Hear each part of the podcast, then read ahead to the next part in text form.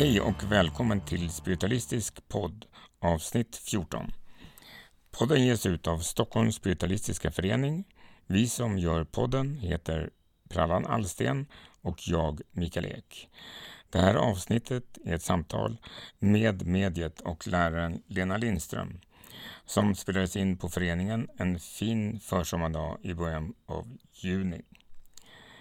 Vi talar med Lena om hennes väg till det mediala, om hennes lärare Mavis Petilla och om Arthur Finley College. Vi får förklarat vad Psychic Detective och Remote Controlled Viewing är och mycket annat. Och nu Lena Lindström.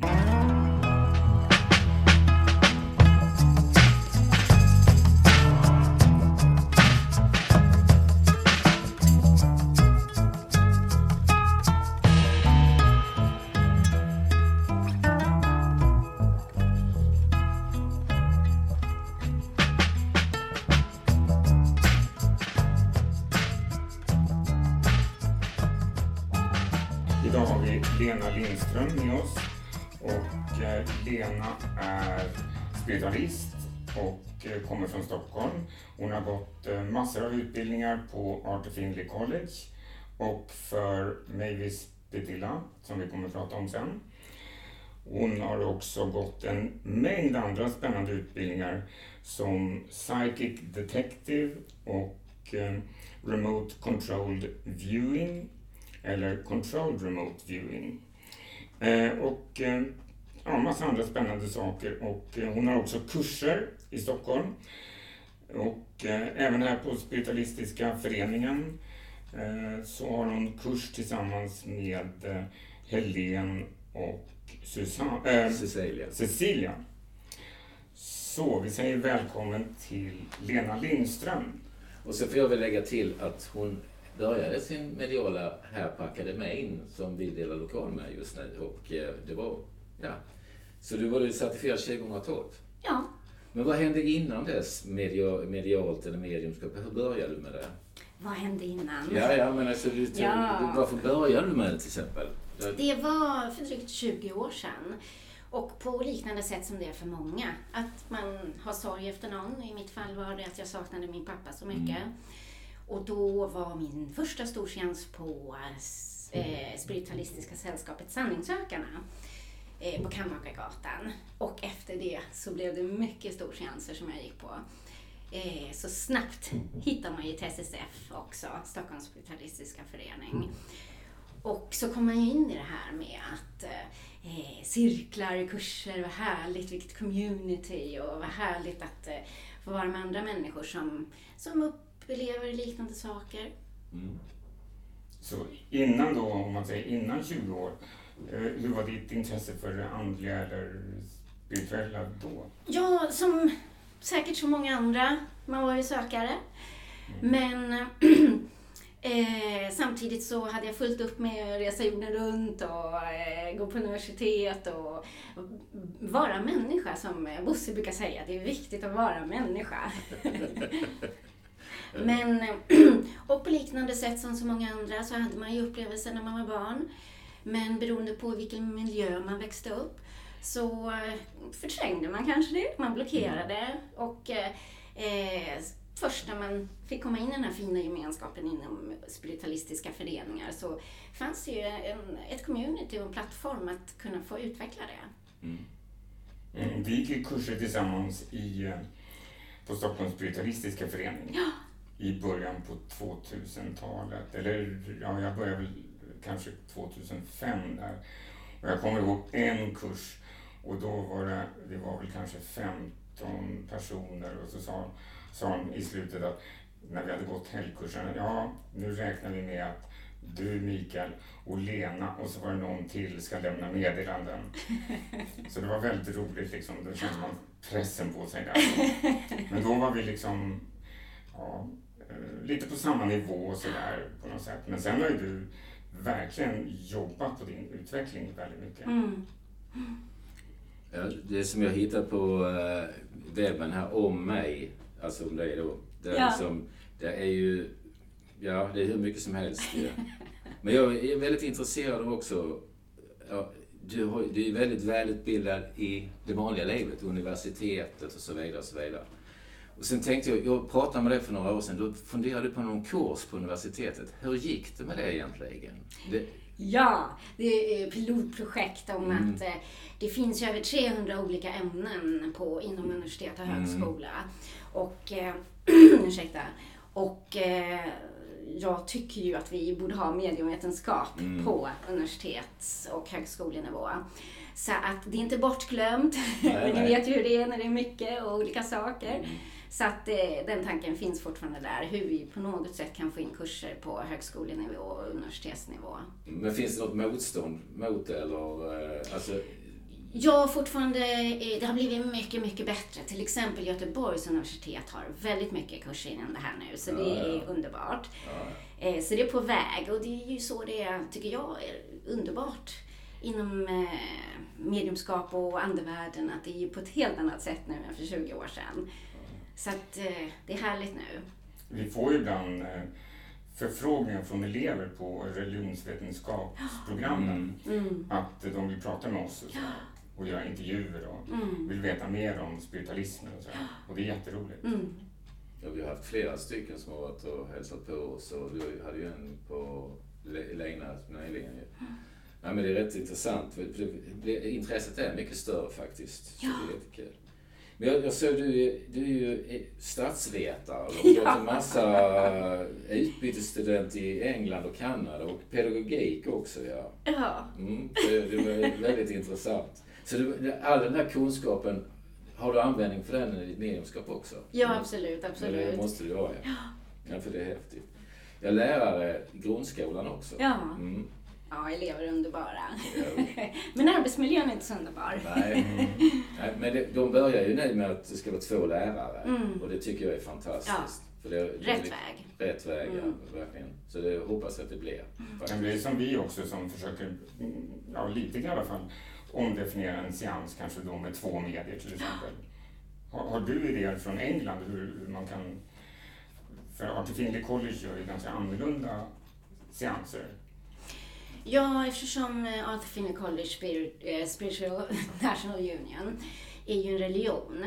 Så då har de ju dels eh, Divine Service och sen så har de Demonstration of Mediumship. Och på, det sättet så har vi, ju i, i Stockholm och flesta delar av Sverige mer demonstration of mediumship. Vi har ju inte divine service på samma sätt. Och vad är divine service? Ja, det är ju eh, deras eh, motsvarande gudstjänst. Så då är det eh, med bön och med eh, eh, filosofi och eh, ofta med healing.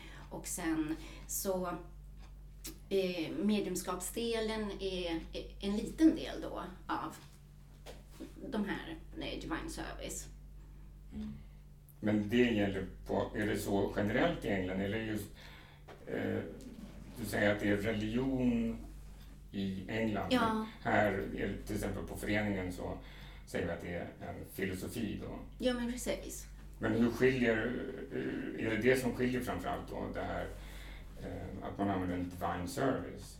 Ja, det är en stor skillnad. Sen är en stor skillnad också eh, möjligheterna till träning, hård träning, fortbildning, det slutar aldrig. Så att, eh, men det tycker jag att vi börjar få här mer och mer också.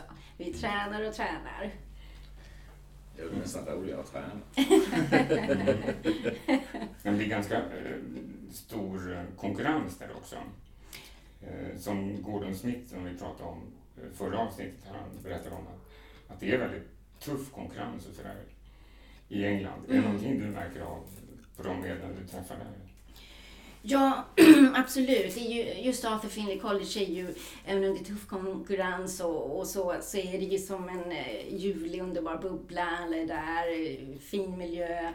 Eh, och eh, eh ingen, ser på TV. Fastän det finns en TV. Så att, eh, men det här med konkurrens och tufft så var det ju för 20 år sedan även inom, här i Stockholm. Så det tycker jag har utvecklats till något positivt, att det inte är samma konkurrenstänk och att det är just det här att om vi bara förstår att alla vi som eh, arbetar psychic eller eh, med mediumskap eller med healing, det, om vi bara öppnar upp för allting som vi är unika eh, och, och duktiga inom, så kommer andevärlden att vara mer och mer. Då kan vi utvecklas tillsammans och så kan vi ju step up. Ursäkta mig, pratar på Ja, engelska, men man pratar ju engelska varje dag. och då kan ju vi lära oss ännu mer från andevärlden. Men om vi håller tillbaka och inte delar med oss av allting vi kan bland oss här i communityt och bland varandra och kurser och lärare och cirklar och deltagare. Då, men det har blivit så mycket bättre. Så att jag blir alldeles lycklig av sånt. Ja, okej. Nej, men I England, när jag kom dit, vi åkte ju tillsammans 2016. Ja. Det var ett stort gäng på 10-11 personer från Ja. Sverige som åkte. Det var jättekul. Det var du som släpade dit oss allihopa Ja. genom din peppande ord. Men då upptäckte man ju på ett helt annat sätt den här filosofin bakom. Mm. Att det inte bara är ett mekaniskt givande av eh, meddelanden Mm. utan hela den här djupet i både den spirituella, spiritualistiska filosofin och ja, överhuvudtaget filosofin med andevärlden där. Ja, och eh, också mycket att, eh, som de betonar, att medier och healers är ju ambassadörer för andevärlden. Så då lyfts ju fokus från att mediet ska vara i centrum också. För vi är ambassadörer, vi är andevärldens röst och det tycker jag också är väldigt vackert. Men, men det, jag, det, det som jag tycker är viktigast är ju ändå själva filosofin. Men sen Mm. tycker jag också det, det som har hjälpt en otroligt är en personlig utveckling som man måste gå igenom för att jobba med det här. Mm.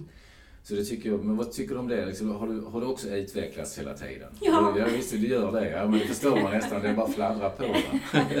man tittar då på vad du har gjort. Men ändå, vad tycker du har hänt med dig själv så att säga, på vägen? Stor fråga. jo, jag vet, men ändå. Det är liksom... Ja, det som kanske blir tydligt för många av oss är ju det här med hur personliga eh, utvecklingen och mediala utvecklingen och healingutvecklingen. Och jag vill nämna healing ofta för det är ju ett s- så vackert eh, form av mediumskap. Det är ju att det kanske inte alltid går hand i hand. Eh, och det kan gå eh, ja, lite zigzag och eh, olika vägar. Men det är därför jag tycker att det blir så fint med att vi är community, för vi hjälper varandra. Det är många av oss som säger nu slutar jag, nu slutar jag med det här. Och så går det ju inte. Eh, men då man har en svacka eh, så har man ju då eh, via föreningarna någonstans att ändå få vara. Man kanske inte går så mycket kurser och fortutbildningar just där och då, men man får ändå vara en del av eh, eh, eh ja, det här underbara och, och träffas med när man har eh, liknande intressen. Eh, Ja, jag tänker och tänker. Ja, det behöver inte svara. Men alltså, Men jag, jag, jag kanske, jag återkommer. du, du återkommer. Ja, Men men jag tänker, vad är nu, för, för, för mig ett tag var det mest mediumskap. Mm. Och sen har det gått över, var det ett tag mer psychic. Och nu är det mer healing. Mm. Och, eh, och då blandas det med psychic också. Mm. Men, men att det växlar så mycket. Var är du just nu så att säga? Var är du i, din, i ditt mediumskap? Jo, men jag kan absolut känna igen det du beskriver. Och eh, för mig, det som har drivit mig väldigt mycket, eh, det är ju att lära mig så mycket som möjligt och dela med mig av allting jag har lärt mig. För att alla har ju då inte haft möjlighet att kunna åka till Arthur Findlay College. Och, eh, så det har drivit mig mest med att eh, eh, vi samlar ihop allting som vi kan tillsammans och så delar vi med oss och så kan vi gå vidare. Och mycket är det ju den här närheten och mer filosofi och eh, som ni pratar om. Eh, så där, jag befinner mig nog mycket där också. Plus att ja, det är så roligt när folk, kommer, folk blir intresserade av det här och sen så får man se deras resa. Det, det är också helt underbart. Mm. Nej, för du har ju eh, ett företag, Lila Kompassen. Ja. Och eh, jag har ju gått kurser hos dig Ja. och eh, väldigt många andra har gjort det. Och vad som var så härligt med dina kurser tycker jag att var både att det gick väldigt fort, men det, det är ju så du är som person. Ja. Men också att det var väldigt prestigelöst och roligt. Mm. Eh, Så det är det någonting jag verkligen tar med mig när jag någon gång själv har en cirkel eller så. Och just att det ska, vara, att det ska gå ganska fort liksom. Ja men absolut. Och det är ju delvis som sagt jag har mycket att tacka Mavis Petilla för. Och eh, hon eh, pratar ju ofta om the, the happy medium. Så att man ska vara glad man inte står där framme och eh, inför oavsett om det är inför deltagare eller, eller kursdeltagare, publik att det är viktigt med den biten. För annars så om man inte eh, är the happy medium så eh, tänker ju folk att andevärlden, de, de får ju intryck av att andevärlden då inte är happy. Mm. Jag var på seans igår, det var rätt roligt. För det var så här, Susanne som sitter med här nu. Så, ja, det mot slutet, det var kanske lite trögt. Så då, då bara får hon upp Nisse. Och jag tänkte Nisse. Och sen var det en gammal vän till mig. Och det var så roligt för att det stämde. Och sen då ställde hon sig så här lite som han gjorde, vi kallar honom för gummileden. Så, han, så ställde hon sig också så här, så jag bara tänkte, det där är ju Nisse.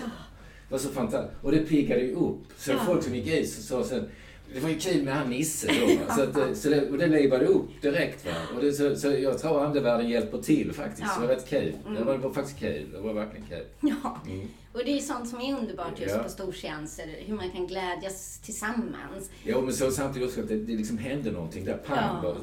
Så var det, alla bara liksom sken upp direkt. Va? Det var häftigt. Mm, ja, visst. Och när vi- mediet vågar bjuda på sig själv Ja. och vara lite, inte löjlig, men alltså vara lite sådär ehm, Lite galen. Ja, lite sådär utanför sina comfort zone liksom. Ja. Det är väldigt härligt.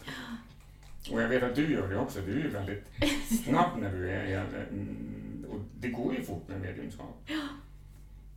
Så absolut, men samtidigt så är det ju det som är underbart också, att vi kan vara våra e ja, att vi är olika. Även om själva mediumskap går fort så kan man ju ändå vara en lugnare person och eh, förmedla. Så att, eh, ja, det är det som är Jo, så alltså, härligt. jag, men alltså, jag tror det också är väldigt personligt hur man Ja. är och det blir också, man, blir, man kan inte bli liksom robotar. Nej. Så att man måste ju hitta sin egen stil. Ja. Det är väl viktigast egentligen. Men Mavis Petilla, Mm. det är eh, en lärare som hon har varit i Sverige en gång i alla fall. Jag har träffat henne en gång Ja. i Sverige. Och kan du berätta mer om henne? Hon har lite märkligt efternamn. Eh, Mavis är eh, engelsk, men Petilla och... eh, Men vem är hon? Ja, hon har ju arbetat med mediumskap i över 50 år och eh, blev ju upplärd av Gordon Higginson som väldigt många såklart i England känner till. Och eh, ja, som sagt, när jag kom in, nu blir det long story short, om det är okej.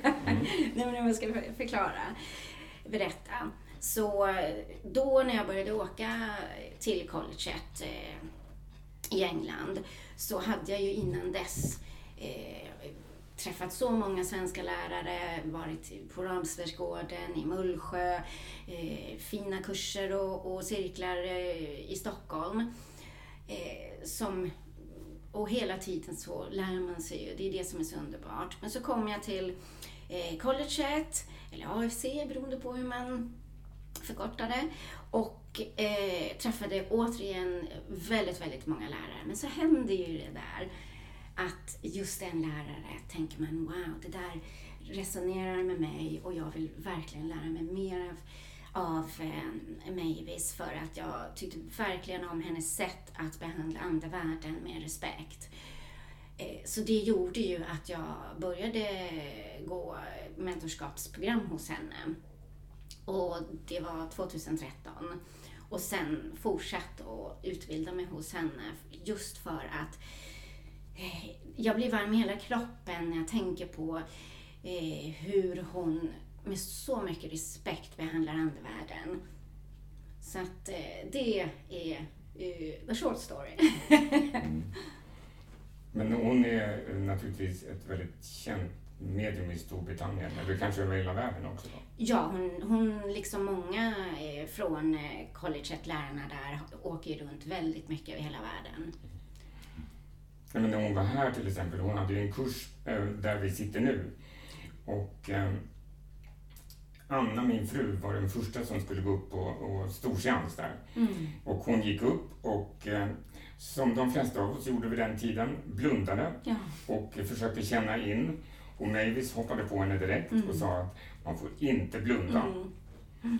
Och det var så underbart.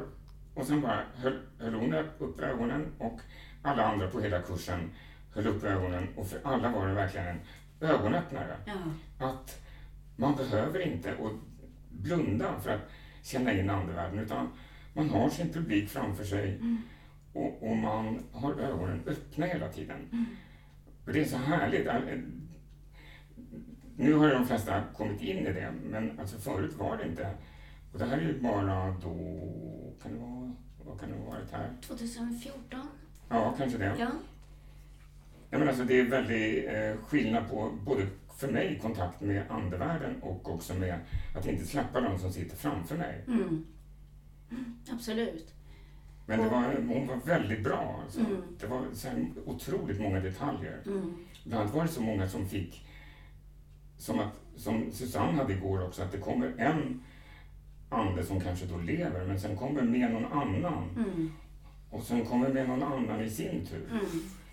Det har jag aldrig varit med om förut. Det var första gången Ja. Ja, som vi brukar säga, let's have a party. Ja. När det är många som Mm. kommer från andra, andra världen. Men vi, vi pratade ju vid innan och då pratade vi väldigt mycket om barn. Ja. Och, så, och, barns, och, det, och du är lärare. Hur mycket upptäcker du deras närhet till det andliga egentligen? Jag vet inte, jag, det börjar avta när de kommer att bli lite äldre men ofta så är det ju, det finns ju alltid hos alla barn egentligen. Mm. Ursäkta. Ja, nu, det är 15 år sedan jag arbetade, drygt 15 år sedan jag Ja. arbetade som lärare Ja. nu. Men, men, eh, jo, men den är ju väldigt påtaglig, den är ju underbar. Eh, så länge man, och det handlar ju om, eh, på samma sätt som när vi har cirklar, man måste ju skapa en trygghet i gruppen så att man kan få mm, känna att det man, man kan säga vad man vill utan att någon har någon kommentar som kanske inte är så vänlig. Eh, och så är det ju även inom elevgrupper och, och, eh, eh och då så var det ju eh, många Ja men, mm, jag berättade ju ett roligt Jag- jag exempel. ja, ville ja eh, då skulle man även ha teckning. Eh, fast man inte kanske var utbildad inom det. Men, och då så hade vi en övning där jag sa att vi ska rita spöken. Eh, och då innan så ritade jag eh, på vita tavlan ett spöke också för att avdramatisera att eh, man måste vara så duktig på att teckna och rita. Eh, och eh, då var det en elev som sa, nej men så där ser inte spöken ut. och så, Jaha! för, då, för den eleven upplevde höj, kontakten på ett annat sätt Mm. och då kan man inte rita spöken så. Ja, men det, ja, men det är rätt roligt så att säga. ja, underbart. Mm. Härligt. Också, mm, jag tänkte lite mer om Mavis, bara lite. Mm. Ehm, för hon säger att det finns ett medium för var och en av oss. Men inte ett medium, ett medium för alla. Vem är det som kommer till dig, så att säga? Vem är det som du verkar dra till dig, som funkar med dig? Har du upptäckt någon form av... Ja, det, det varierar ju över tid. Eh, men det som fortfarande är eh, eh, de som kommer till mig, det är ofta första gången de någonsin kommer till ett medium. Så att, och, och det är ju helt fantastiskt. Det är, så jag brukar säga, ja det är premiär till klienten då. Så det, det har fortfarande, att det fortfarande är så. Ett tag så var det mer kring någon som hade förlorat eh, eh någon genom att eh, den anhöriga eller vännen eller någon nära dem hade begått självmord.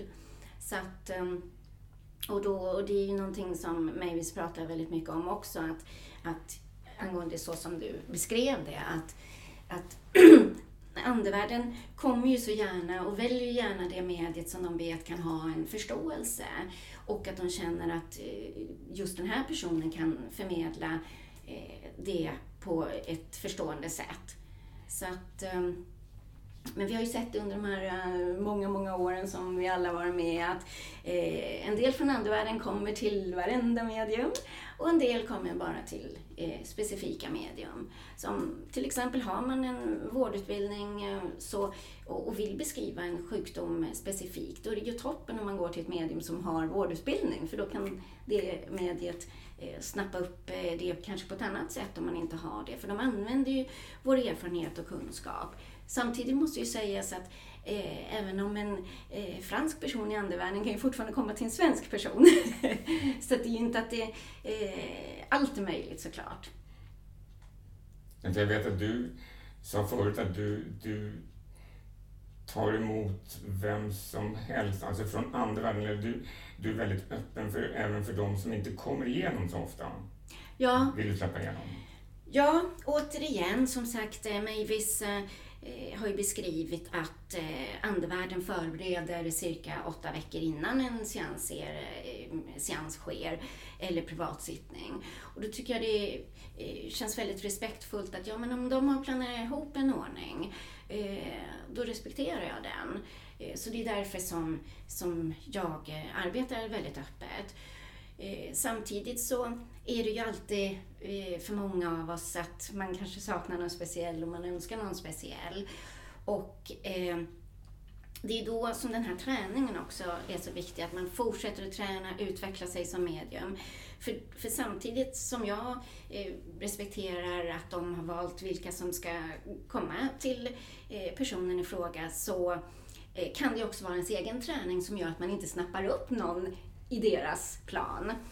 Eh, så att, eh, det är ju också träning att eh, eh Ja, och eh, så som det har varit sista tiden då är att då kan det vara att de kommer på, kommer på slutet, man pausar, är det någon mer som vill komma? Så att man ändå har den öppenheten också att det kan vara mediet som inte har tränat, som måste träna mer. ja, men det har jag ju upptäckt att andevärlden tränar en också. Ja. För liksom, det har jag så här, det, det var ju så, jag blev, jag blev lite trött på, det fick ju något som var inte talför. Och det var så trögt tyckte jag, jag fick inte, tyckte inte fick fram någonting. Och jag blev sur och sen då träffade jag den här personen. Ja men de var ju såna. Ja. Men bägge två, ja bägge två, mm. de pratade aldrig. Och då, då, då, fick jag ju förklaringen, då fick jag ju den känslan. Så jag tycker ju liksom, man blir, man blir lärd av andevärlden också ja, faktiskt. verkligen. Verkligen jättemycket. Mm. Och där, eh, eh, återigen Mavis, men hon har ju så mycket fantastisk eh, erfarenhet och kunskap. Eh, det är ju också att eh, efter man har haft eh, kontakt, om man har haft en stor chans eller att man har haft privatsittning, så är det så viktigt att feedbacka med andevärlden. och hur var det för dem? Att man, eh, är det något annat jag kan göra bättre nästa gång? Och, då, och det är en otroligt fin feedback för att eh, då känner man ju kärleken hur eh, de kan förklara, ja ah, det var lite, lite mer åt det här hållet jag menade, ah det ska jag lära mig tills nästa gång. Och då vet de ju också att eh, de i andevärlden eh, hjälper ju de andra i andevärlden med att vi blir bättre och bättre. Så det, det, är någonting som, eh, som jag verkligen tror på, att man feedbackar med andevärlden efteråt. Mm. Som, för precis som du säger, man lär sig så mycket från andevärlden. Ja, de gör det. Men det kanske är det som händer ibland om man inte gör det. Men ibland får man ju upp efteråt att ja, men det där borde jag ha sagt och det där mm. borde jag ha sagt. Mm. Men då om man gör det på ett medvetet plan istället, då får man ju den informationen mycket mer till sig som att ja, men det här missade du faktiskt. Eller, eller missade, men bara det här försökte vi säga, men du hörde inte riktigt på det där kanske. Då. Ja, eller kom ihåg det här nästa gång. Det, mm. det är ju eh, det är ett väldigt vackert sätt att, att vilja förbättra sig för eh, andevärlden och göra så gott man kan och ännu bättre. Mm. Mm. Härligt, för att alltså vi gör ju det här för de som kommer på en seans eller på en mm. sittning. Mm. Men det handlar ju också om andevärlden. Mm. Att det är healing där också, som jag Mm. förstått det. Hur tänker du och vad har du fått för tankar runt det? För många tänker ju inte så, utan man tänker på att vi har en klient framför oss och vi vill ge dem något. Men det pågår mer där. Ja, absolut. Och eh, som sagt, vi har ju sett det under många, många år på stortjänster att många från andevärlden, det, det är betydelsefullt för dem att få komma och säga förlåt. Det, det hör vi ju regelbundet på storseanser.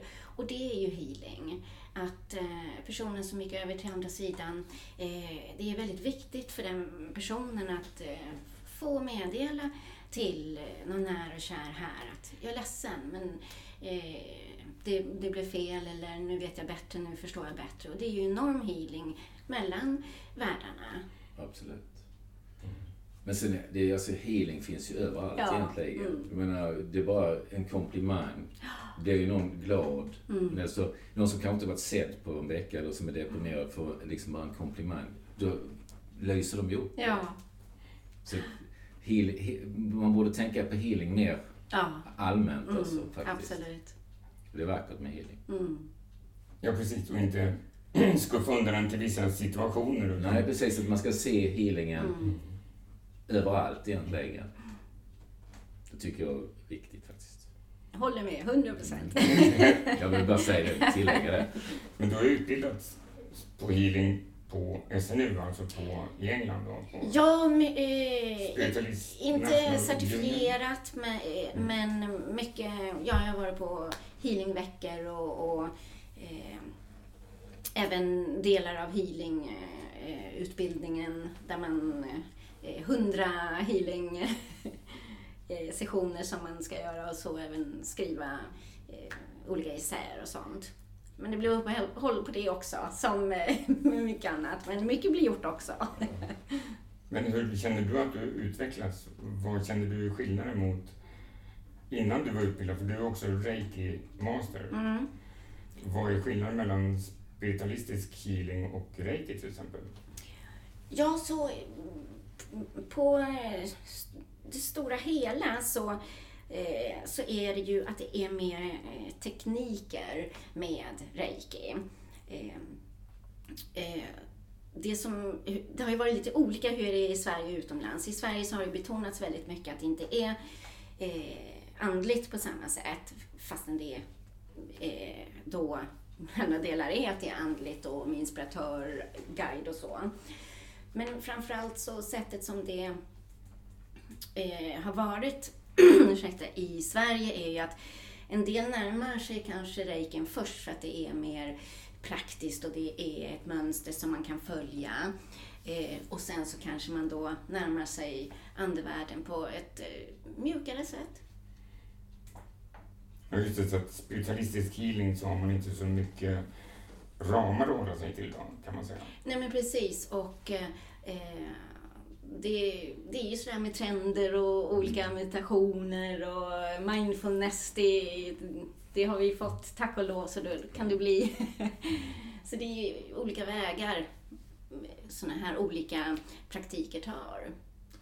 Jag gick ju till ett medium. Hon sa att jag skulle börja med det här. Va? Och så sa hon så här, men du börjar med re, re, det passar dig att börja med reiki, Ja. sa hon. Men jag gjorde aldrig det heller. Men, men ändå, så det finns ju en mening med reiki på något sätt. Ja. Att man kommer någon vart med det. möjligtvis. Och det som är fint är ju att det, det är ju en, eh, en healingform som har funnits över hundra år. Mm. Så att när, när saker och ting har funnits länge, då inger det ju också en annan trygghet ibland för de som åh, första gången ska eh, närma sig det. Jo, men jag tyckte också det var bra i början med reikin. Ja. Det var ju väldigt bra. Man eh, höll händerna i vissa positioner och Mm. sen eh, började man ju känna saker och det var ju häftigt eh, när saker och ting började hända liksom i händerna. Men att man, man hade en form att gå efter i Ja. alla fall. Och Mm. man sa att man gjorde någonting som andra förstod också. Mm. Mm. Så är det inte fel med reiki. alltså.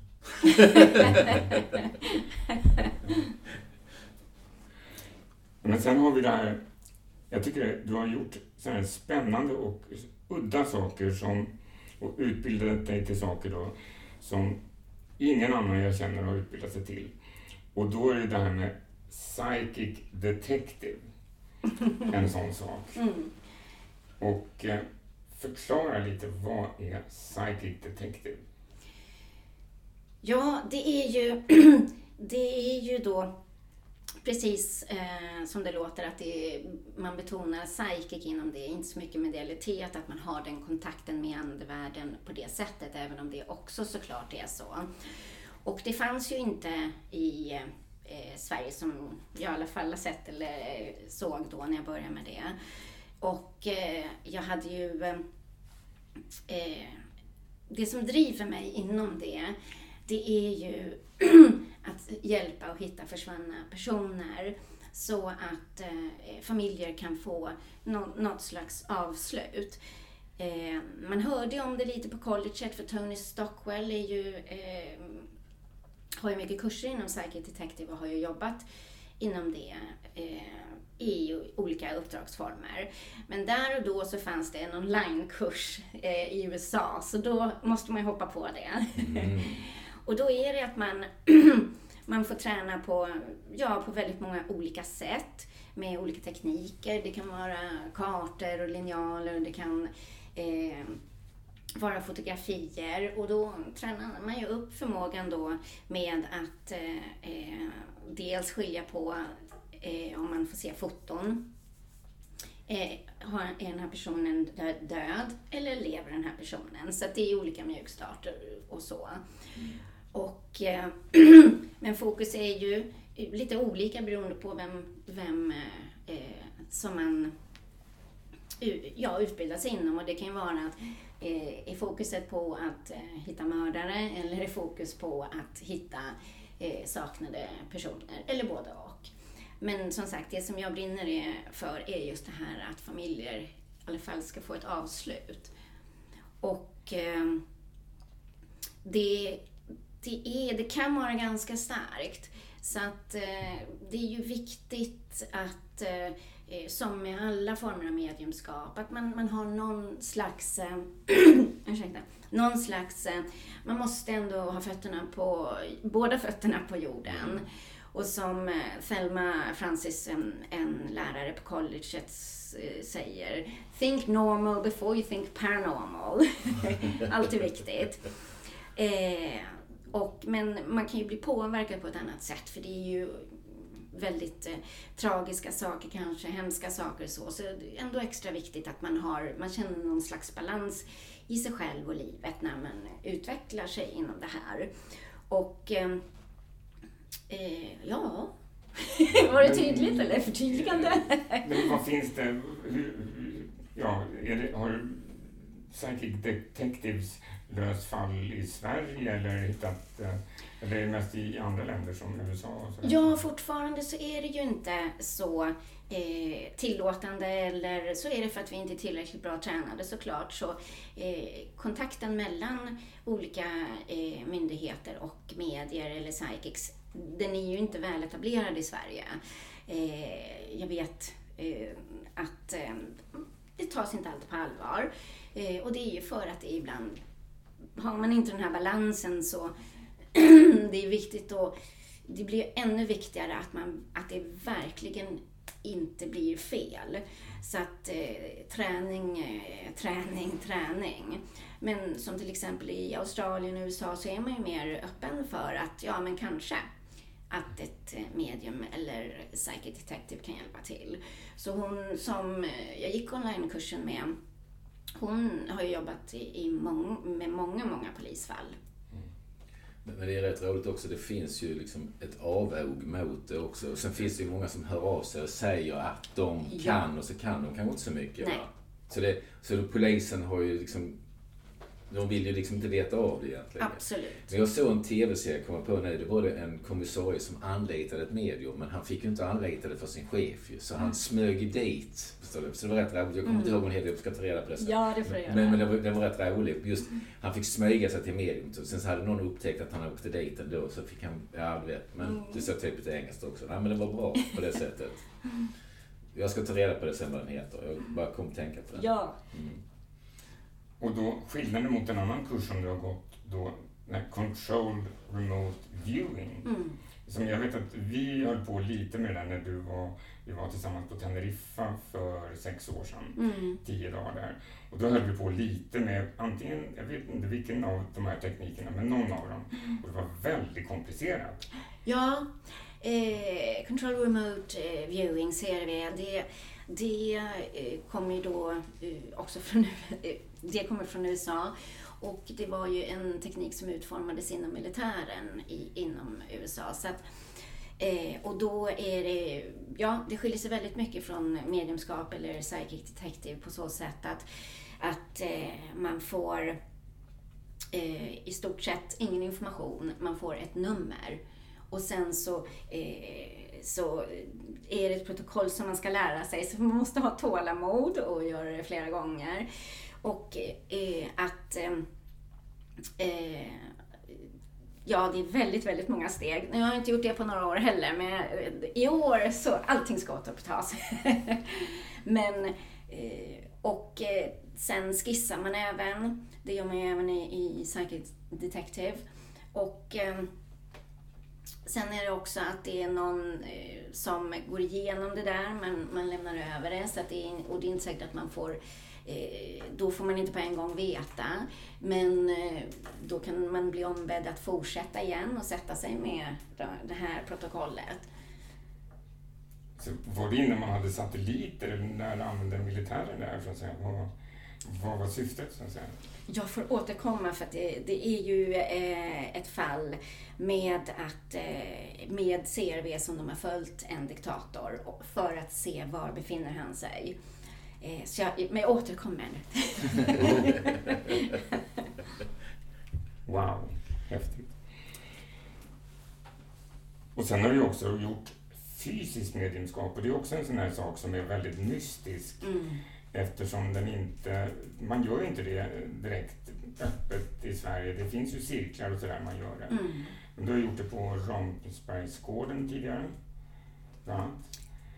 Och vad är det fysiskt? Det låter ju som det är någonting fysiskt. Ja, ja det, det fanns ju som sagt inte så många eh, tillfällen att gå på en fysisk seans i Sverige. Så det, då passade jag på när jag gick Mavis Betillas mentorskapsprogram i Kent. För då, även, där hade de fysiska seanser. Så då var jag på min eh, första fysiska seans där som deltagare och då var det mörkret och eh, man håller i händerna med flera olika medier.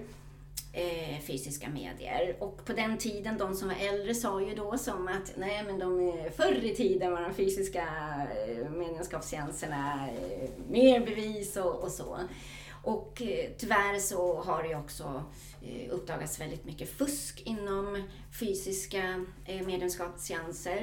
Men för mig var det ändå eh, intressant att dels att sitta i mörker, sen se vad som händer. Och jag minns jag tänkte, det här var ju från 2013 och framåt, att ja, eh, oavsett om det är fusk eller inte, det vi upplever, det ska det ju absolut inte vara, Eh, så sitter vi här i mörkret eh, deltagare som är intresserade av det här istället för att vara på sociala medier. Och samtidigt så blir ju det en utveckling i att sitta tillsammans och att eh, ha en positiv attityd till att jo, men det här kan vara så.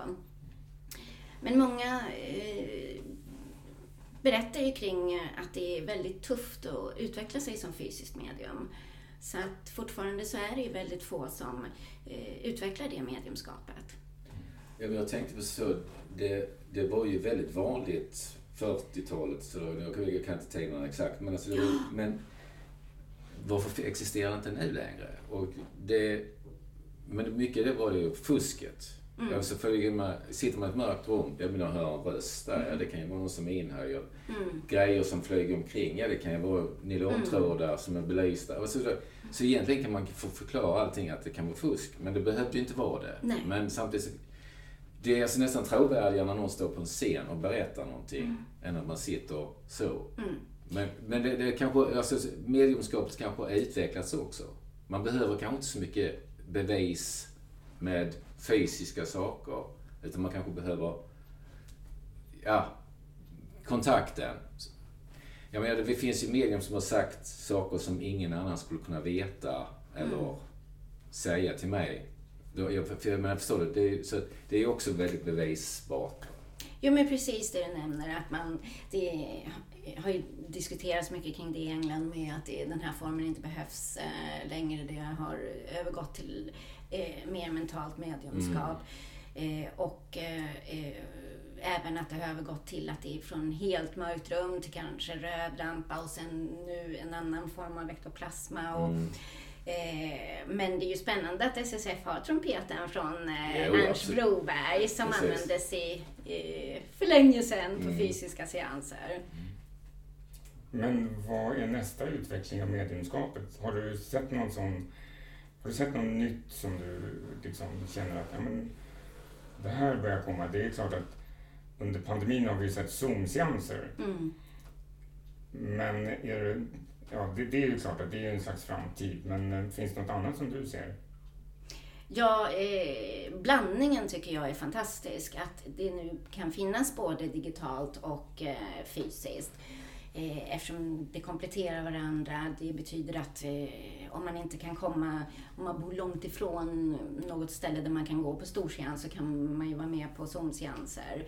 Eh, SNUI, Spiritualist National Unions International, den delen av SNU har ju haft eh, det här eh, över tio år.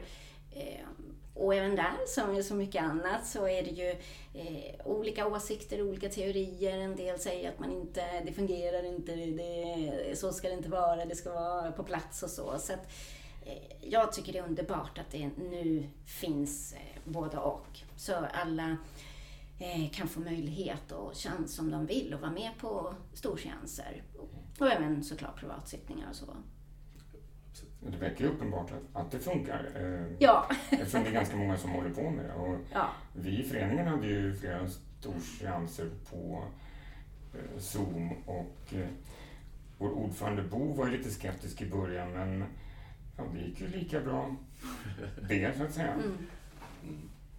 Ja, det var ju eh, just i England så har de ju väldigt många spiritualistiska kyrkor att gå till. Så är det, inte, så är det ju inte för alla i, runt om i världen. Men, och då kunde de ju snabbt koppla in SNUI så att det gick att öppna upp för dem som verkligen saknade att gå till sin eh, kyrka under pandemin. Så underbart. Ja, då tänkte jag på Rosmarie Söderberg. Hon var ju i England så gick hon ju till en sån spiritualistisk kyrka och det var Gordon Smith där.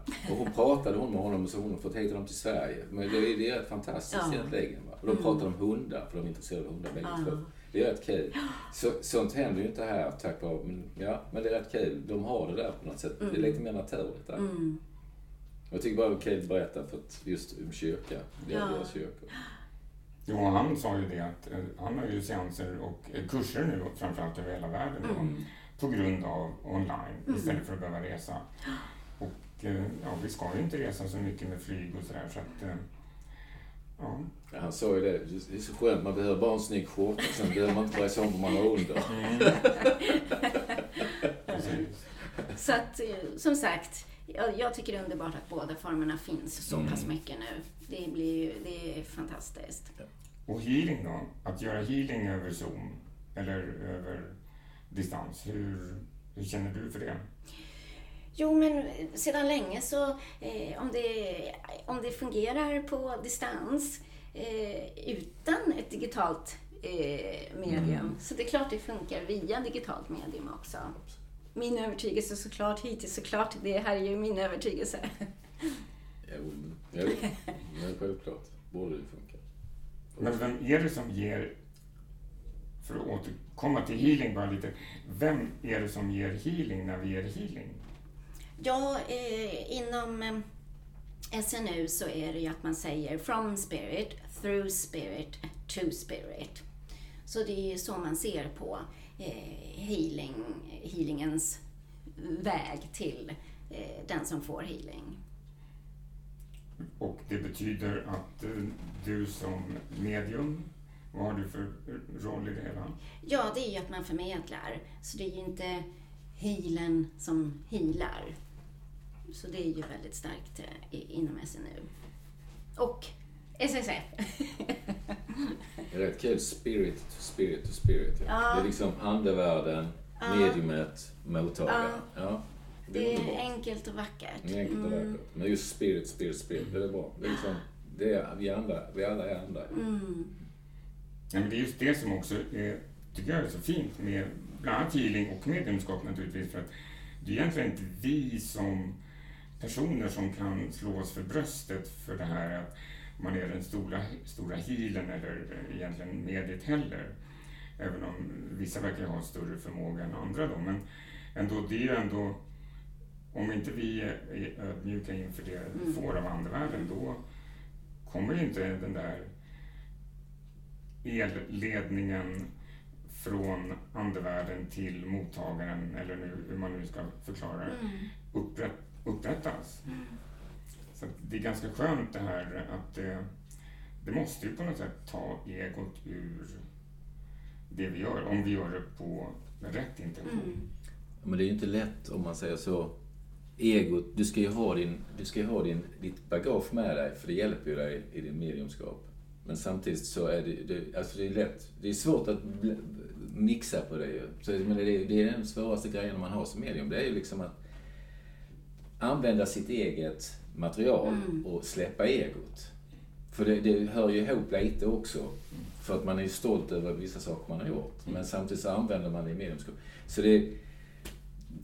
Om man, säger, om man utvecklar så är det någonstans, man kan ju inte tappa egot men man måste ju ta fram det man har gjort. Så, så att, för att det, det märker man ju själv när man... Det egna upplevelser hjälper ju den andra. Man får bara den här idén och så, ser, så berättar man ju det och så klickar det ju direkt. Va? Men egot är ju också det som man måste bråka med. Men visst, ja, det bara, jag bara tänkte på det va, för att det är, det är rätt viktigt. Men det är, det är nog det tuffaste också uppgiften vi har som medium, att liksom sära på det. Mm. Absolut. Mm. Men hur har du brottats med ditt ego under de här åren? För att, så att säga, hur känner du idag jämfört med tidigare? För jag bara tänker en sån sak som att väldigt många medium är väldigt nervösa i en seans. Att det handlar väldigt mycket om mig i en seans. Hur, hur har det förändrats till exempel, just den saken? För då tänker jag att man kanske identifierar sig för mycket med att man själv ska prestera, så att säga. Eller hur tänker du runt det?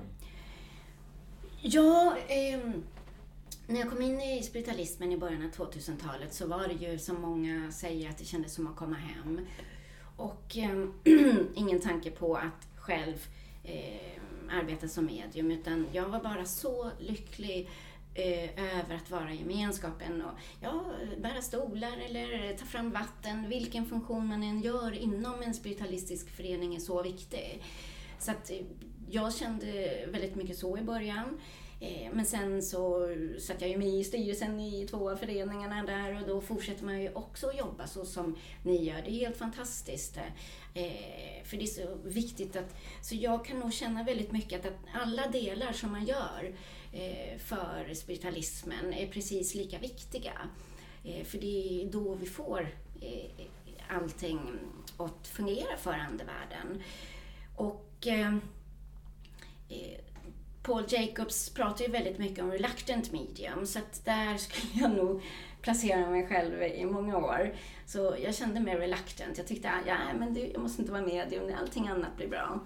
Eh, men eh, så sen så, så är jag eh, inte reluctant medium längre, så det är ju skönt. Och eh, då hade jag under den här tiden eh, redan träffat väldigt många lärare på colleget som tryckte väldigt mycket på det här. Det handlar inte om Deida. Så att då kom det också ganska naturligt. Så att jag gick från, så att jag känner inte att jag har, det har inte varit en kamp just för mig idag. Det är väl där det är viktigt att filosofin är med också. Mm, mm.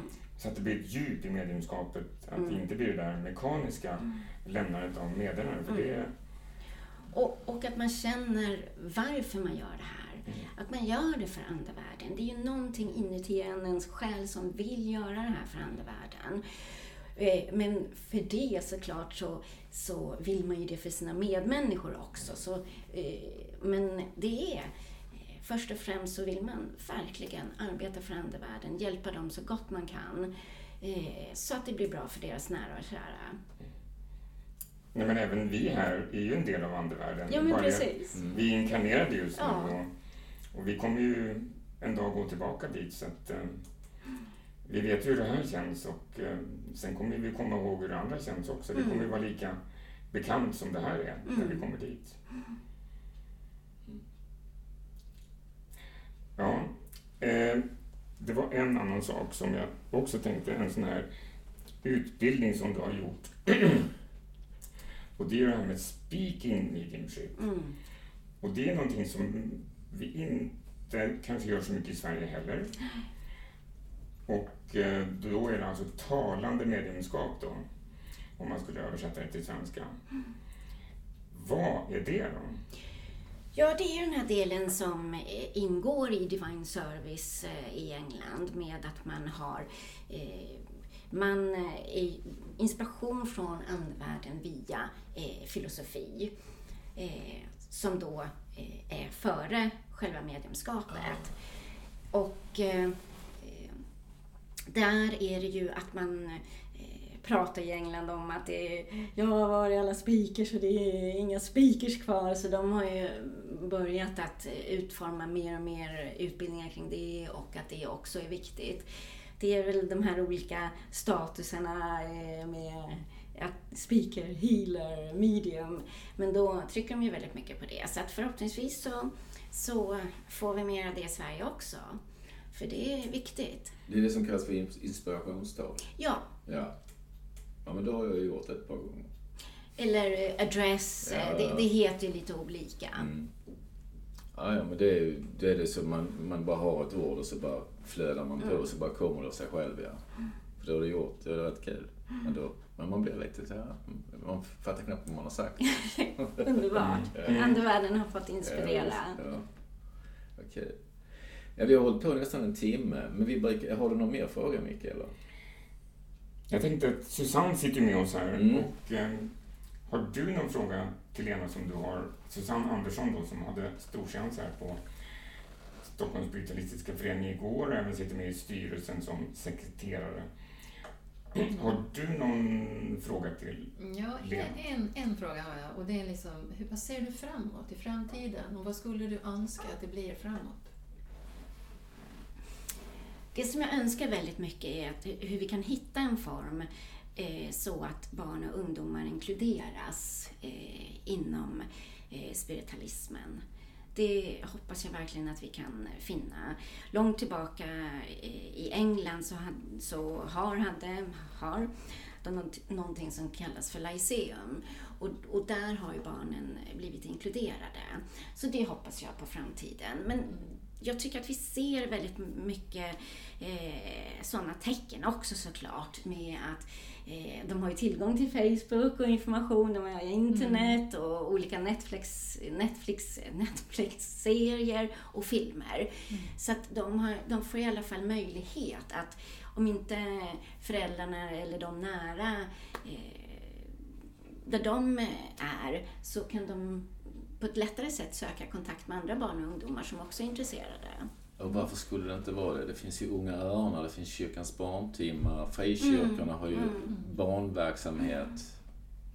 Men samtidigt så ska man ju inte förmedla eller sånt, men man kan ju ändå hålla sig inom det på något sätt. Jag var ju på en sån här kyrk, eh, frikyrklig där vi stekte ägg i kaffeburkar. Liksom, men, men alltså, och det var bara kyrkan som ville ha det. Men, så det går ju säkert att göra. Mm. Men det är, det, är, det är en stor skepsis om det också. Mm. Mm. Jag ställde ju två frågor där egentligen till dig Lena, men, men om jag tar den första då, vad skulle du vilja? Vad vill du framåt nu? Framåt så vill jag att vi, som jag mm, ja, nämnt tidigare, att eh, vi verkligen förstår att om vi delar med oss av allting vi kan så öppnar vi upp ännu större områden där i andevärlden där de kan, ja, ah, nu är de med på banan, nu kan de det, nu lär de sig det, nu går vi vidare. Jag tror att eh, som, som så många av oss säger att andevärlden är intelligent. Och då måste vi göra allt vi kan så att de kan förmedla mer och mer till oss. Och, så det vill jag verkligen. Ja, bra. Och det har blivit mer tillåtande Ja, att göra sådana här saker. Vi kanske skulle, om man nu skulle hitta en plattform där ungdomar är, kanske göra TikTok-videos med mediumskap. Det, det är inget som man kommit på hur man gör än kanske, men eh, ja. Att, Det- jag vet inte, inte, det handlar inte om att nästla sig in, utan det handlar om att vara ärlig och, Mm. och rak. Liksom. Mm. Precis. Ja, du har ju läst filmvetenskap också. Ja. Ja, och då vi brukar alltid ta här mot slutet eh, någon film som ger någonting, eh, oftast andligt, men det kanske är någon annan film som ger människorna någonting, ett bra tips alltså, ett filmtips. Ja, det är ju det som också är så fantastiskt eh, just här och nu 2022. Det finns ju så mycket filmer nu och serier. Och, eh, eh, men om jag då eh, vänder mig lite till de som eh, kanske tycker mystery och thriller inom andlighet så tycker jag att, eh, och får inte berätta handlingen för mycket, eh, The Others med Nicole Kidman. Vad heter det? The Others. Ja, det, ja men det där har jag sett, ja. Så Var finns att, den? eh, så att eh, Netflix eller någon annanstans? Finns på DVD i varje fall. Ja. Ja, ja, den Den är från, den är från 2001, kanske Ja, precis. 2002 i Ja, Sverige. precis. Men, Ja, men det är det där med det där... Ja, man får inte försäga sig. nej, Men man får kan inte säga ett hus. Ja, det är ett Ja, det är ett hus. Mm. Ja, det, Men det som räcker. sagt, Om man är... Om man Nu är det en är cliffhanger. ja, Ja, cliffhanger. men, oj, jag, titta här.